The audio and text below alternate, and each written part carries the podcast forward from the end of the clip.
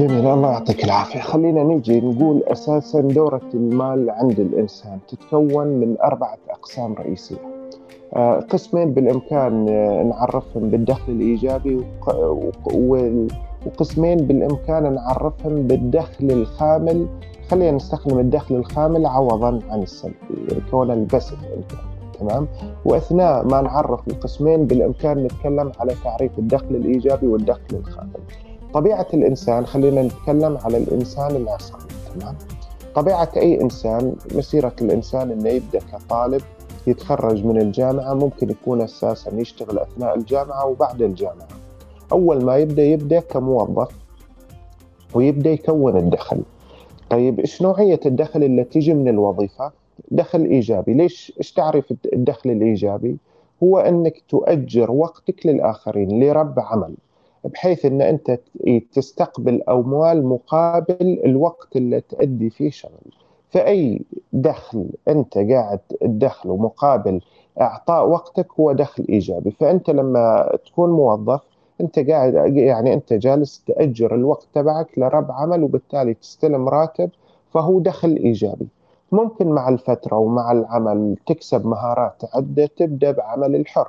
العمل الحر هو أنك تأجر وقتك لنفسك مقابل تأدية خدمات تستقبل منها أموال. فالعمل الحر أيضا يعتبر دخل إيجابي. كونك أنت مثلا اليوم لما تكون عندك خبرة في صيانة أجهزة الحاسب الآلي ويطلبك معهد أنك تروح تعمل صيانة لأجهزة المعهد ورحت المعهد وعملت الصيانة هذه أنت مو راتب أنت أخذت مشروع ولكن أنت نفذت المشروع بيدك بوقتك فأنت أجرت وقتك للمعهد أي دخل يجي بهذه الطريقة حتى لو ما كان راتب حتى لو ما كان عن طريق وظيفة هو يعتبر دخل إيجابي. آه، طبعا يفترض أنه يكون هدف الإنسان أنه يوصل إلى الدخل الخامل أو الدخل السلبي. ليش؟ لأن الدخل الإيجابي هو مقرون بالوقت أنت ما عندك وقت أو تعبت أو لا قدر الله صار لك أي مرض منعك من إعطاء وقتك للآخرين توقف الدخل الإيجابي.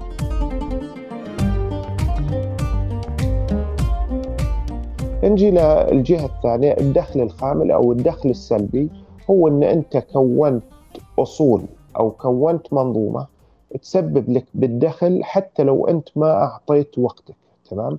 نفرض كالتالي أنت بديت في العمل الحر وفي صيانة أجهزة الحاسب الآلي. كنت تروح المعمل تعمل الصيانة ويجيك الدخل وهذا دخل إيجابي كما عرفنا سابقا. بعد فترة أنت تطورت جبت لك أعمال فنية وناس تسوق وبدأ هذا العمل يشتغل. فتجي الطلبات آه، جماعة التسويق والمبيعات تباشر العمل وتحول الموضوع إلى الفنيين، الفنيين يروحوا يعملوا الصيانة اللازمة، تيجي التحويلات على حسابك، تكوينك لهذا المنظومة بديت تدخل في الدخل السلبي أو الدخل الخامل، كونك الآن لا المنظومة تبعك اللي أنت أسستها هي اللي تشتغل وتبدأ تدخل عليك دخل خامل أو دخل سلبي. إحدى إحدى النماذج أيضا أنت سويت منتجات رقمية مثلا والمنتجات الرقمية نفرض أنك عملت كتاب عملت موقع وسيط يدار بشكل أوتوماتيكلي مجرد إنك أنت تأسس هذا وتبدأ أساسا يشتغل بدأت الدخل يتكون وأنت أساسا حتى لو كنت مسافر كنت بعيد في أي يعني منطقة هذا دخل سلبي. ليش؟ لأنه ما يجي ما يقترن هذا الدخل بالوقت تبعك. طبعا هذا القسم الثالث تكوين منظومة عمل سواء كانت على أرض الواقع أو منتجات رقمية. طبعا القسم الرابع اللي بالإمكان هم يندرج تحت الدخل السلبي أو الدخل الخامل هو تكوين أصول استثمارية. اليوم مثلا لو كانت عندك أسهم ذو عوائد على أساس لا نجي للمضاربة. لا أسهم بالإمكان تكون عوائد. أنت مثلا كانت عندك أصول سواء أصول رقمية كانت عندك عقارات كانت عندك كذا. إذا كانت ألاحظ أنا عرفتها كأصول معناها تدخل منك مو خصوم تستهلك منك فهذه أساسا أي إيراد منها بالإمكان يندرج تحت الدخل الخامل فهذا تعريف يعني باختصار للدخل الإيجابي والدخل الخامل ودورة حركة المال في حياة الإنسان.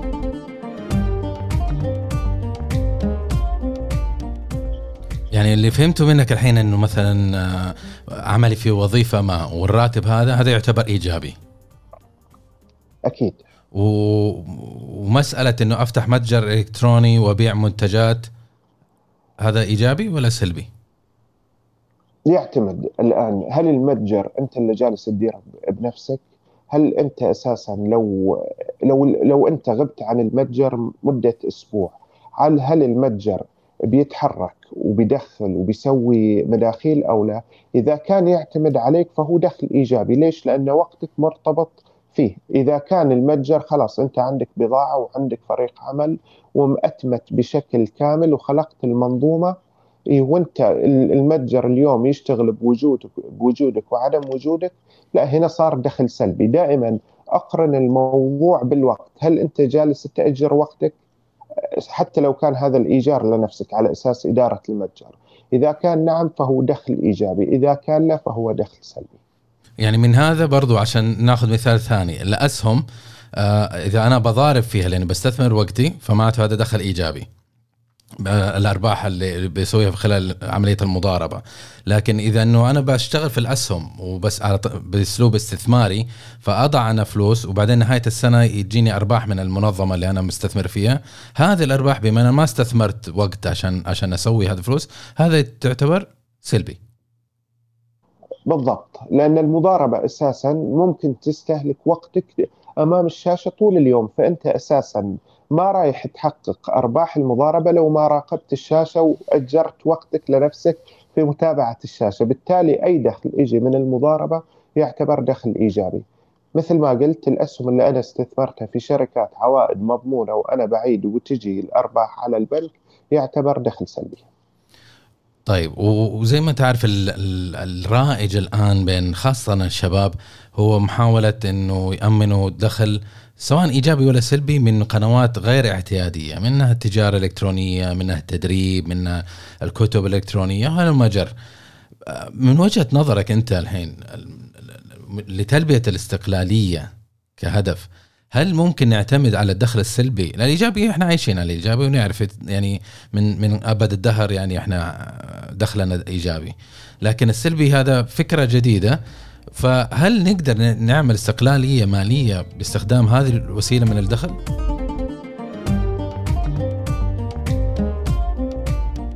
يفترض أي إنسان في حياته يسعى إلى تكوين الدخل السلبي.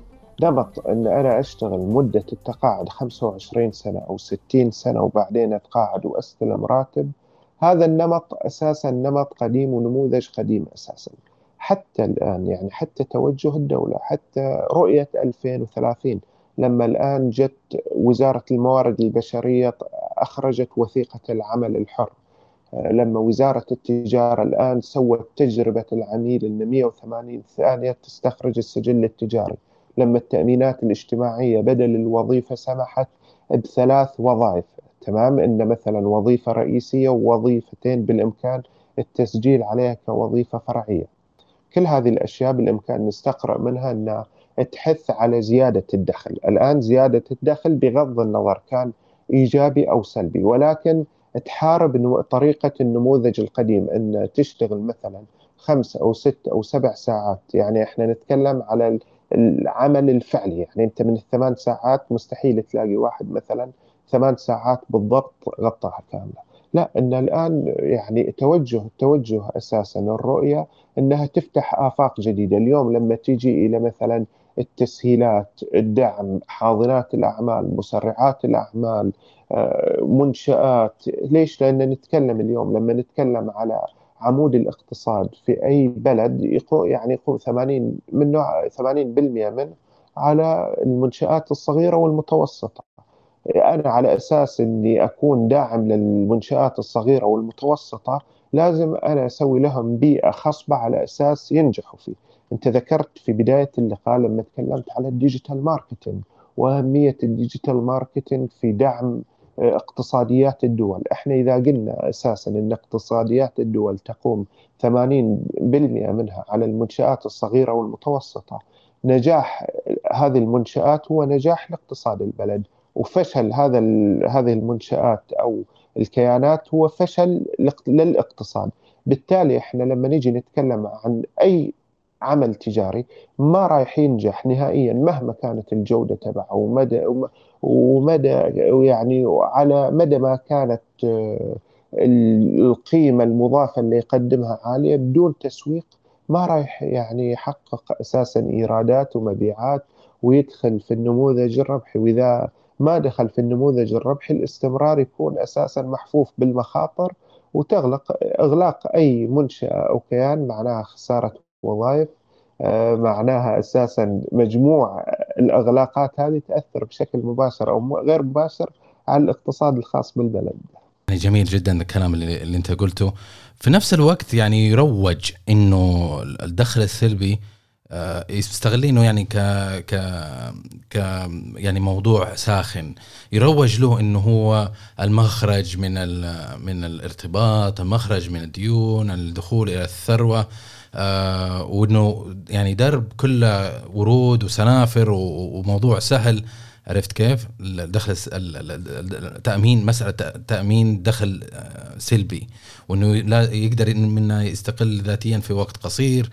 هذه الأفكار يعني يهمني جدا إنه أسمع من من صاحب تجربة عميقة في التجارة ولك يعني خبرة ولك مساهمات آه، إيش إيش رأيك أنت في هذا ال هذا ال هذا ترويج هذه الفكرة إنها سهلة وان إنه أي واحد يقدر يسوي؟ ذكر مقولة لطه حسين يقول لم أرى تجارة أكثر ربحا ورواجا من بيع الأحلام. أو من بيع الأوهام. اليوم مثلا لما نجي لوسائل التواصل الاجتماعي نلاقي ممكن ناس لهم عدد متابعين بعشرات بمئات الآلاف ليش؟ مو على أساس ان الطرح تبعهم. طرح جدا راقي وعميق. لا ولكن طرح يبيع فيه الأوهام والأحلام للآخرين. طبيعة الإنسان يحاول يعني زي الماء الماء يحاول إن اليوم لما نجي مجرى الماء يشوف وين الطريق الأسهل يمشي فيه.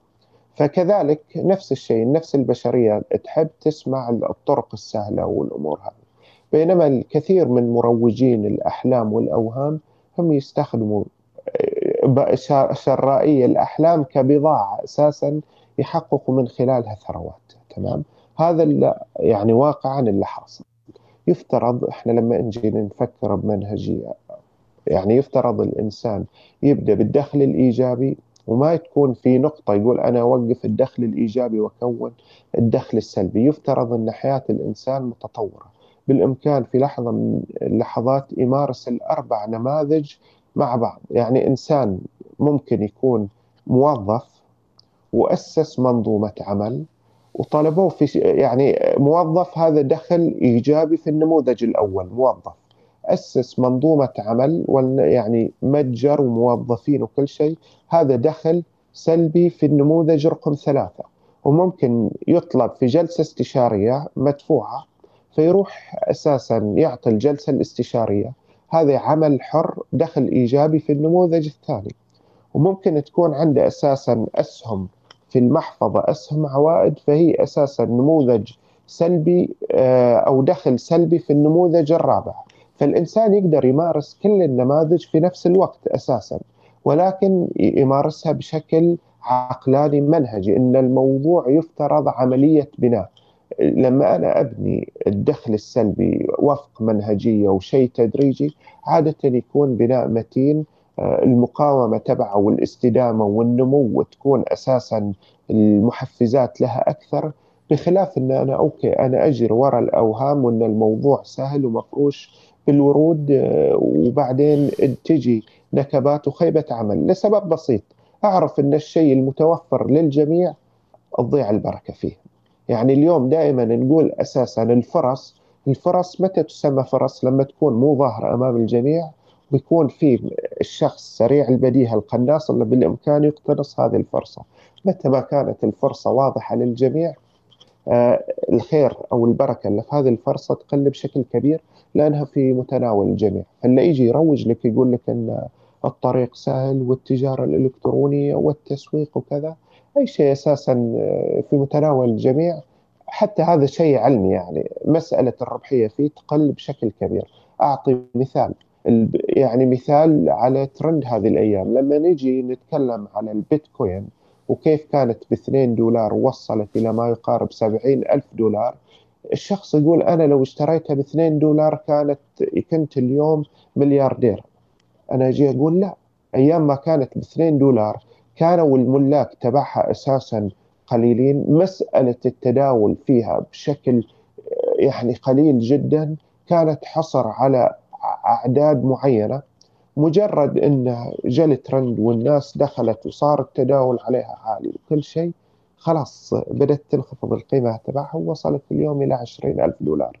فأنت بالإمكان نفس النظرية هذه تجي تعمل لها تجربة على كثير من المسارات بتلاقيها تنطبق وبتلاقيها صحيحة 100% جميل رائع. خليني اسمح لي أن أضرب على محورين هنا.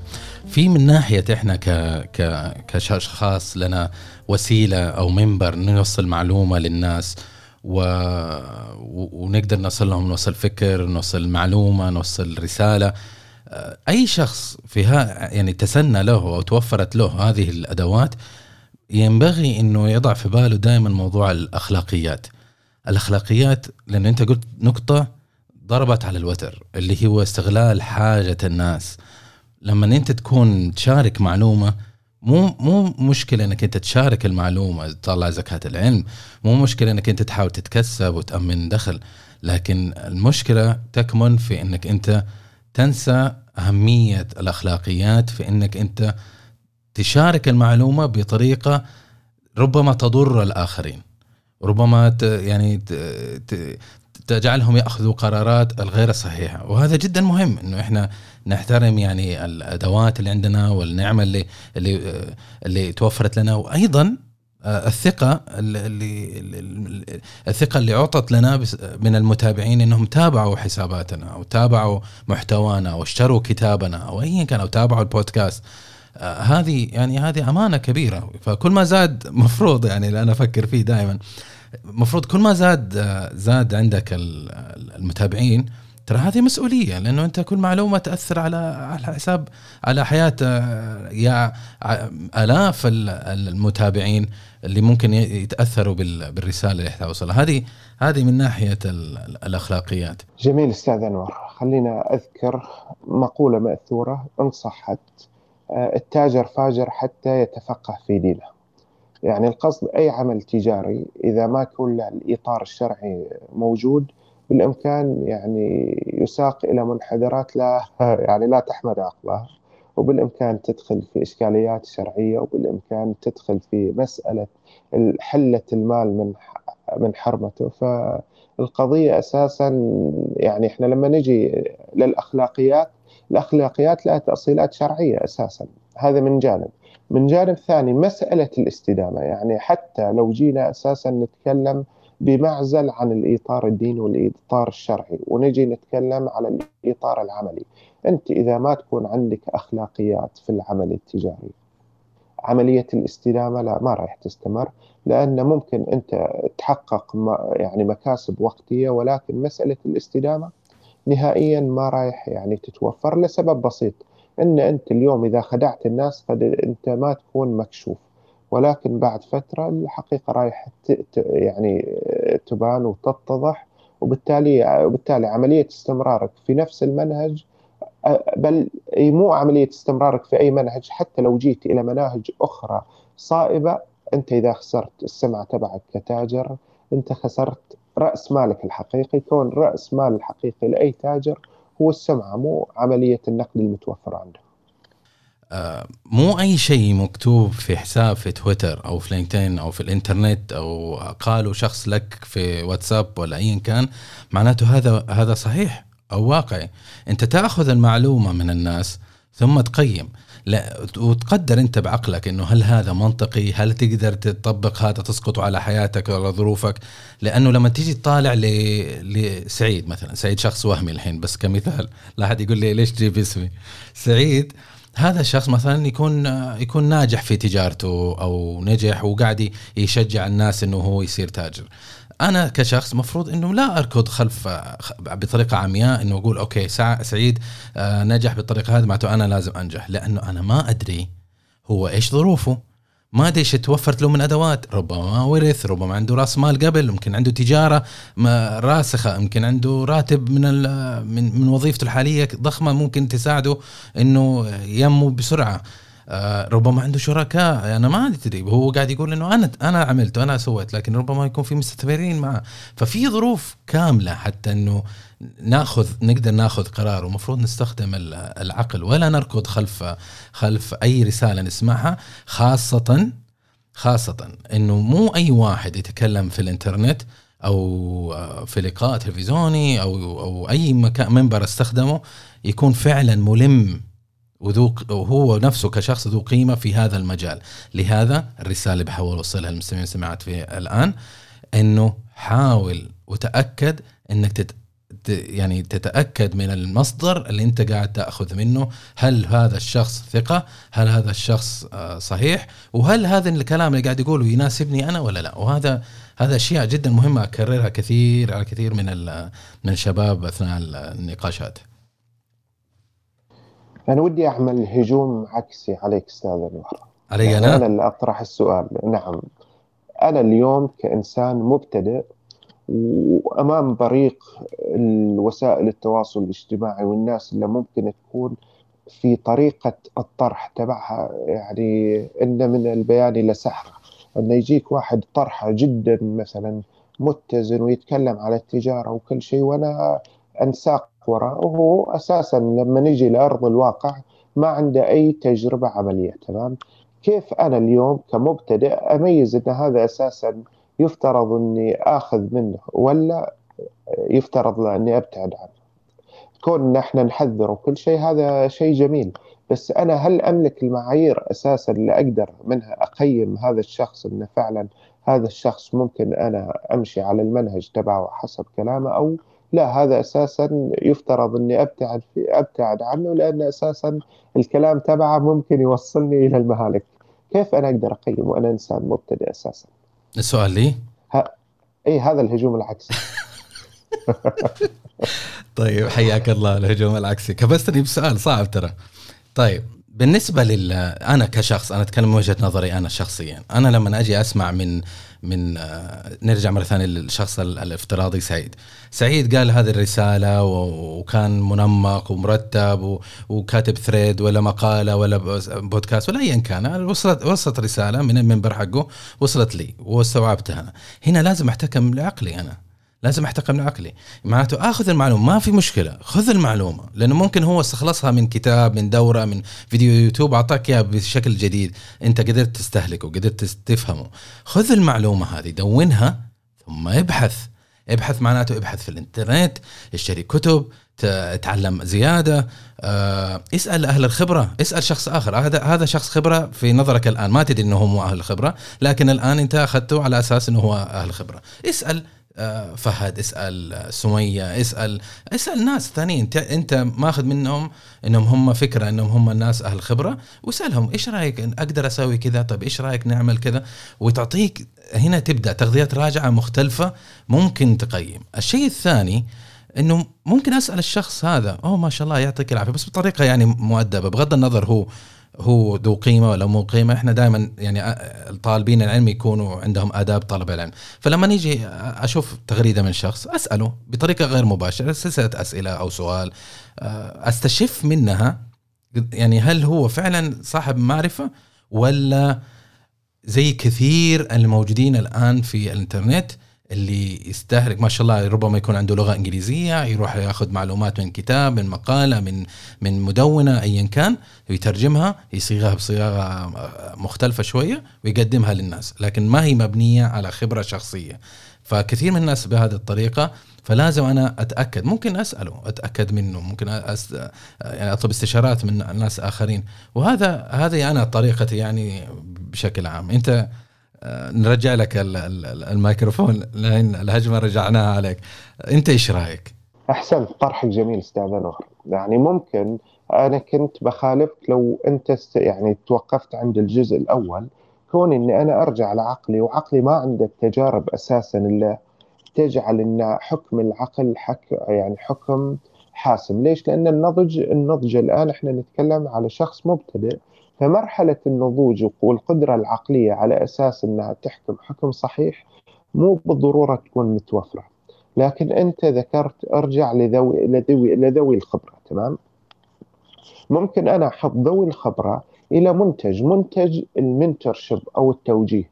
دائما أنت إذا حاب تمشي في التجارة أو حاب تبتدي أو شيء من هذا القبيل حاول أنك تشوف موجه بحيث أنك حتى لو سمعت من سعيد أو سمية أو خالد الأسماء اللي ذكرتهم المستشارين اللي ذكرتهم آه هنا لا أنا أتوقف وعندي يفترض مرجع بحيث أن أنا أوكي أنا أحاول أغذي العقل تبعي بتجارب الآخرين ولكن لازم أوضع عندي نقطة مرجعية، النقطة المرجعية هي الموجه. إن أنا أرجع للموجه أنا سمعت كذا وكذا وكذا ما رأيك؟ طبعا يفترض إن الموجه إنسان خبير وموثوق. طبعا تقول طيب ليه ما يكون هو المستشار أو شيء؟ لا يمكن هو أساسا في مسألة آه، الازدحام والمشغوليات وكذا ممكن ما يكون مستشار ولكن ممكن يكون موجه. رغم إن العمل التوجيهي ممكن يكون أكثر انهاكا من الاستشارات نفسها. ولكن اليوم مثلا كثير نشوفهم يبتدي ويقول لك أنا فشلت أو أنا مشتت أو أنا أو أنا دائما إذا أنت تحصل لك موجه حتى لو كان الموجه هذا مستشار أفضل من التشتت بين الاستشارات العشوائية اللي ممكن تكون أساسا في لبها متضاربة. فأعتقد إن طرحي وطرحك في الإجابة على هذا السؤال متوافق يا أستاذ. ذكرتني بالإجابة اللي أنت ذكرتها يعطيك العافية. مسألة أنه آه، يعني مجموعة من الشباب لما تيجي تقول له ليه ما تاخذ الدوره الفلانية؟ ليش ما تشتري كتاب الفلاني؟ ليش ما تستشير فلان بما إنه هو استشاري في الموضوع آه، يتعلق بالشيء اللي أنت قاعد تشتغل عليه؟ يقول لك لا ما يحتاج أنا آخذ من اليوتيوب، الإنترنت، التويتر، الفيسبوك كل المعلومات موجودة ببلاش. هنا نرجع مرة ثانية للموضوع الأساسي اللي إحنا ذكرناه. مو عيب إنك تسأل الناس ومو غلط إنك تستثمر وقتك أو جهدك أو حتى تستثمر فيه حتى توصل تأخذ الزبدة من صاحب خبرة موثوق موثوق. يكون له تجارب له مرخص ربما آه، ربما يكون في تجارب مع أشخاص آخرين يشهدون له إنه هو لا آه، إنسان يعطيك القيمة يساعدك في المشكلة اللي أنت تواجهها. وهذه هذه أظن هذه الابروتش اللي المفروض إنه الشباب يرتكزوا. أنا كثير تجيني أسئلة لسبب ما لسبب ما. تجيني أسئلة بخصوص قانون العمل. أنا ما لي دخل بقانون العمل ولا أني موارد بشرية ولا لي دخل في أي شغلة من هذا. بس تجيني الأسئلة هذه بحكم إنه يوم من الأيام كان يا زمان جاوبت سؤال هنا ولا هناك في تويتر مثلا فالظاهر هذا هذا هذا البوست هذا عاش. فالناس كلهم يجوني ويسألوني. طيب أنا كثير من الحالات طبعا ما ما أعرف كل حاجة ولا حتى في تخصصي أعرف كل شيء. لكن دائما أقول لهم يا أخي روح لمحامي الخلافات العمالية محامي متخصص في الموضوع هذا ويساعدك. يعني ساعته تقريبا نقول ما 400 ولا 500 ريال ايا كان. استثمر هذا وخذ إجابة صحيحة بحيث إنك أنت تتجنب إنك أنت تروح خلال المنحنى التعلم كامل لوحدك وتقع في الأخطاء اللي كل الناس وقعوا فيها قبلك. لا استثمر وخذ طريق مختصر وانتهى الموضوع. في قضية مهمة لما نتكلم على موضوع إن الموارد متوفرة اليوتيوب اليوم يعتبر جامعة كل هذا الكلام كلام صحيح 100% ولكن أنت اليوم لما تدخل جامعة أساسا الجامعة تعطيك برنامج آه، من السنة الأولى للسنة الخامسة. أنت ما تقدر تاخذ السنة الرابعة بدون ما تعدي مواد السنة الثالثة. يعني في شيء يسموه متطلب أو prerequisite على أساس تفتح هذه المادة لازم أنا أكون مخلص المادة اللي قبلها. الموضوع اللي يصير في اليوتيوب وحتى في الكتب إن يعني ما في أساسا مسار أو برنامج يمشي عليه. فيصير التعليم عشوائي ويوصل هنا لمراحل ممكن تكون صعبة. أعطي مثال. آه، أول شيء خلينا أعطي مثالين. المثال الأول اليوم لما نجي للشهادات المهنية لما نجي نتكلم مثلا على شهادات ال PMP محترف إدارة مشاريع يقول لك أنت يفترض أنك إذا كملت لازم تكمل ثلاث سنوات عمل أو خمس سنوات عمل يعتبر يعتمد على الشهادة الأكاديمية أن أنت حاصل عليها. هو مو ليس من باب التعقيد ولكن أنت لو جيت اليوم أخذت هذا الكورس وأنت ما مريت بتجربة عملية مسألة الفهم ومسألة رسوخ المعلومات عندك ما رايح تكون موجودة نهائيا. بتشوف الأشياء جدا جدا مبهمة. هذا مثال. مثال ثاني إحدى الأخوات قبل ثلاثة أيام تقول أنا اشتريت كتاب وهو كتاب جدا يعني رائع اسمه من جيد إلى عظيم From Good to Great. موجود وموجود حتى على اليوتيوب ككتاب مسموع هذا الكتب أنا أعتبره من يعني أفضل الكتب اللي تناولت مسألة إدارة الشركات ويتكلم على القادة ومستويات القادة ويركز على الشركات اللي حققت نمو بشكل رهيب آه، لمدة 15 سنة في السوق الأمريكية. ويتكلم على صفات القائد بالدرجة الأولى وسماها من القادة من المستوى الخامس. لما ذكرت هذه الأخت إنها أخذت الكتاب وحاولت تقرأ تقرأ ولكن ما فهمت الموضوع.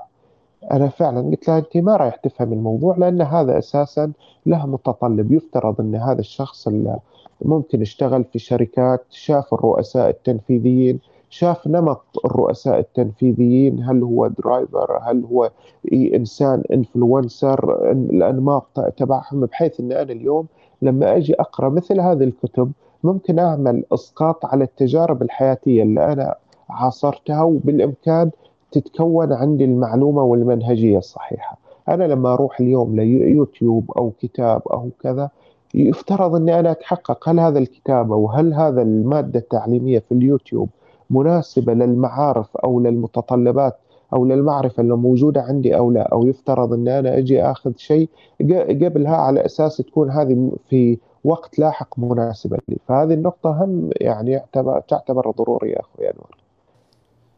جدا جميل يعطيك العافية وصراحة تشربنا بكثير من المعلومات في مجال البزنس ومجال المعرفة وكيف الواحد ممكن يتطور. ونتمنى إنه اللقاء هذا يعني يستمر إلى الأبد لكن لكل رحلة نهاية. قبل ما نقول لك مع السلامة حابب أسألك أنت هل هل في عندك مشروع أو أو عمل أنت قاعد تشتغل عليه حابب تشارك فيه مع المستمعين والمستمعات؟ إذا وفقنا فهذا من الله وإذا أخطأ أخطأت فهذا من نفسي. الشيء الثالث بالنسبة للمشروع نعم أنا عندي مشروع حياة. يعني أنا أعتقد يفترض هذا المشروع يكون عند كل إنسان مشروع حياة كيف إنه يبني آه، أسرة سليمة أسرة راقية ويوفر لها متطلبات العيش. لما نتكلم على متطلبات العيش يعني بتنبثق من هذا الشيء عدة مشاريع. بعض المشاريع ممكن يكون الدخل تبعها إيجابي بالإمكان بعض المشاريع الدخل سلبي. فأنت إذا ركزت على مشروع الحياة بالدرجة الأولى بالإمكان تعطيك الحافز لتكوين عدة مشاريع. وأنا أعتقد التركيز على هذا الشيء أفضل من آه، اختزال مثلا الإجابة في مشروع ممكن يناسب أمجد ولا يناسب غير أمجد؟ لأن ذكرنا مسألة الظروف والسمات والمعايير اللي موجودة عند الشخص ممكن تختلف عن شخص آخر. والله يعطيك العافية أخوي أنور. يعطيك العافية. فين ممكن المستمعين والسماعات يلاقونك على الإنترنت؟ أنا معسكر في حسابي بتويتر وفي المساحات الخاصة بالعمل التجاري وبالثقافة وبالمعرفة. ممتاز ممتاز. وحنحط إن شاء الله وصلة لل profile حقك في في ال في أعوذ بالله من الشيطان الرجيم في في الوصفه الحلقة. وحتى يتواصلوا معك المستمعين والسمعات إذا عندهم استفسارات أو حابين يستشيروك في أعمال أو يكون في ربما في فرصة business تعاون. فهذا إن شاء الله يتواصلوا معك. أما الآن أقول لك يعطيك العافية على وقتك والله يوفقك في مشاريعك القادمة وتشرفنا في استضافتك. ابرك من ساعة. حقيقة أنا سعدت بال يعني بقضاء هذا الوقت معك أستاذ أنا أتمنى أن تكون يعني علاقة مستدامة ومعرفة طيبة والله يعطيك العافية. يعطيك العافية. أعزائي المستمعين والمستمعات آه، يعطيكم العافية على أنكم انضميتوا لنا واستمعتوا لهذا اللقاء المميز والجميل. آه، صراحة شخصيا ومن غير مجاملة للأستاذ أمجد يعني اللقاء كان مميز فيه كثير كثير من الخبرة. يا ناس يعني الله عالم ترى قديش تجربة من تجربة واقعية شخصية. فأتمنى أنكم لقيتوا ولو قليل من الاستفادة إن شاء الله فيه. أما الآن أقول لكم يعطيكم العافية في أمان الله ونراكم في الحلقة القادمة. مع السلامة.